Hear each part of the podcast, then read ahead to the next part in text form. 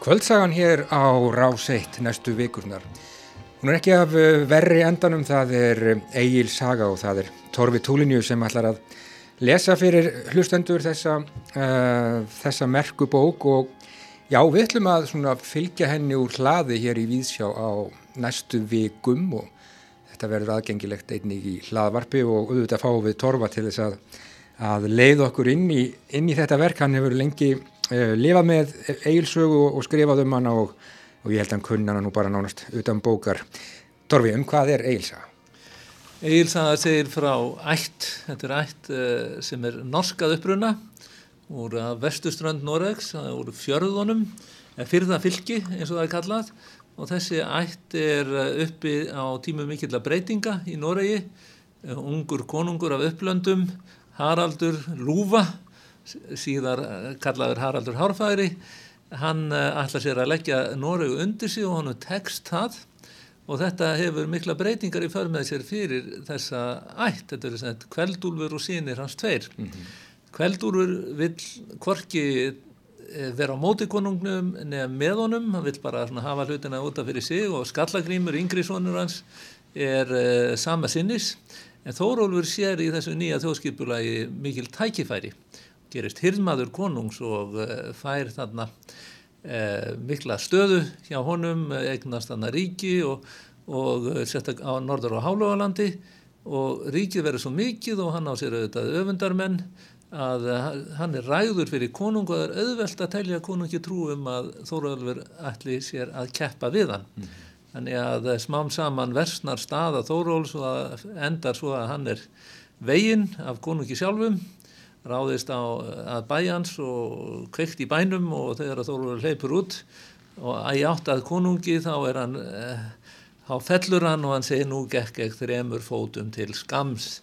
eh, of skamt og þá greinilegt að ætlun hans var að drepa konung mm -hmm. eh, þeir kveldúlfur og grímur eða skallagrímur lifa eh, hérna, eftir þetta og leita sér hemdar Eh,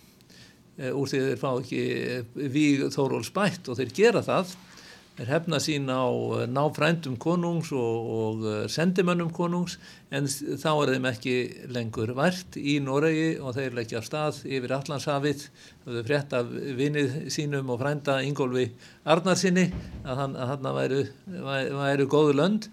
og kveldúlur deyr reyndar í hafi en skallagrimur kemur í land við Borgafjörð og nefnur þar land og, og, og landnámi skallagríms er líst þannig og þannig erum við komin fram í 30. kapla sögunar sem telur 90 kapla mm -hmm. og í næsta kapla eh, riðist inn í söguna svo merka persóna Egil Skallagrímsson hann er reyndar ekki nefn að trygg hann er svonur Skallagríms og eh, yngri bróðir af tveimur, hann á sér eldri bróðir, bróðir sem heitir Þor, Þórólfur eh, í höfuð á, á eh, látnum frænda. Og Egil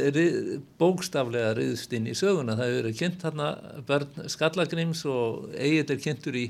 lengra máli en aðrir, hann er málugur ekki nema þryggjára þegar sagan hefst og verður ákaflega reyður þegar hann fær ekki að fara í bóð til móður afa síns með eh, skallagrími og, og hans liði en skallagrími segir og það er frækt að, að þú þú lætur nú, nóg, eh, ég man ekki alveg hvernig það er orðað en þú lætur nógu illa er, svo þú sért ekki að vera þarna meðal fólks það sem er drukkið. Og en Egil gefur sér ekki, finnur þarna einhverja byggju og, og fer í bóðið og þar er honum tekið með kostum af afa sínum og hann yrkir þarna fyrstu vísurnar hans. En því að Egil er hann er óstýrilátur fylgin sér, forljótur stór og mikill en hann er líka mikill skald mm -hmm. og það sem eftir er söguna það er 60 kapla sem eftir er með svona nokkrum hljöfum en ekki löngum þá fylgjum við þessari eh, stórkoslegu personu eh, Agli Skallagrímsinni í gegnum Ímisævintýri Eh, fyrst er nú reyndar aðeins vikið frá honum og sagt frá eh, því þegar að Þórólfur bróður hans fer til Noregs og kemur sér í vinnfengi við Eirík Blóðags. Síðan líka sagt frá því að þarna elst upp ung eh, stúlka hjá í aðborg í borgarfyrði þar sem að, sem að elst upp með agli og er höfðingjadóttir frá Noregi, Áskerður heitir hún og síðan uh, þegar að, þegar að eigillefur vaksið úr grasið þá fer hann aftur út til Noregs með bróðu sínum og aftur er, það, er hann að heimta að fá að fara með þó að bróður hann fyrir ekki taka hann með og hver er ástæðan? Við vitum það ekki en einn ástæða gæti verið svo að áskerður er með í för og eigil grunar að það, það eigi eitthvað að fara að ráðstafa hönd áskerðar mm -hmm. og það reynist vera rétt, hún er,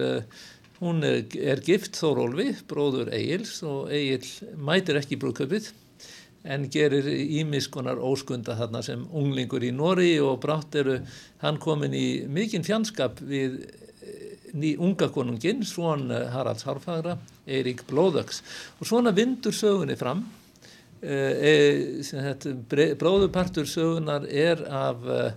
ævintýrum Eils Erlendis, þetta eru fjórar dvalir utanlands og eru mest í hlutin af fullorðins æfi Eils og hann lendir hann í alls konar hlutum, hann berst, hann gerir smálalið, hann og þeir bræður gera smálaliðar um, Englandskonungs og, og hjálp honum að berjast gegn innrás uh, skota. Og þar reyndar fellur Þórólur eldribróður hans og,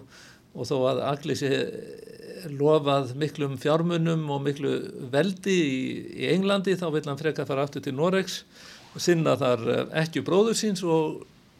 og uh, eftir skamastund er hann giftur henni. Aftur þau fara heim en aftur þarf hann að fara út og vitja arfs Eh, áskerðar en eh, þá á að snuðan um arfin og ef, eitthvað, ef að allir líkar eitthvað illa þá er það að missa pening eða fjármunni og hann verður ákaflega reyður og þar eh, gerir hann tilraun eins og eh, frændi ansfordum að, að ráða niður um konungs að virk gengur reyndar ekki en hann er gerður útlægi og eh, fer eh, en E, aftur kemur hann til Noreg svolítið síðar og vinnur sér, þá er búið að flæma Eirík Blóðags bursta af landinu, hann um, e, fer þá aftur utan, lendir þá fyrir tilviljun eða e, nefna þessi segður Gunnhildar kon, kon, e, drottningar sem að veldur því, hann lendir þarna skipans e, brotnar við Englands strendur og hann er komin bara í, inn til í hyrð Eiríks blóðaksar í Jórvík og þar þarf hann að yrkja kvæði til höfuðlausnar sér. Svona vindur sögunni fram, Egil verður alltaf skýrari og áhugaverðari persóna, hann uh, svarar gjarnan uh, svarar gjarnan í bundnum máli, uh, fræg, fræg er viðregn hans við berserkin Ljótinn Bleika, þar sem hann berst við hann og í raun og veru hvert högg er undistrykað af drótkvæðri vísu og hann bæði þegar niðurlægir hann ljót með því að ráða fullkomlega við hann en um leið undirstrykar hann niðurlæginguna með kveðskapnum og drefur hann síðan að lokum. Kveðskapurinn er náttúrulega ákvæmlega mikilvægur þáttur í agli, það er ekki bara græðginn og ekki bara kannski hinn dulda ást hans á áskerði og ekki heldur bara þessi stórkarlali eh, persóna sem er líst mitt sem uh, hálgerðu svona trölli að bæða burðum og í útliti. En það er auðvitað kveðskapurinn sem að kannski er það sem heitlar mann mest. Og eftir að ferðum eigils líkur þá lendir hann kannski mesta harmi æfi sinnar þegar að uppáhaldsvonur hans Böðvar druknar í stormi á eh, borgarfyrði og uh, Egil vil bara deyja en uh, dóttir hans Þorgerður platar hann platar ofan í hann mjölk og fær hann til að yrkja í staðin kvæðið og þetta er eitt af stórgóðslegustu kvæðum íslenskra tungu, Sónatorek og við að yrkja þetta harmkvæði þetta tregróf þá uh, fær eigill aftur löngun til að lifa. Og þetta er með bara ég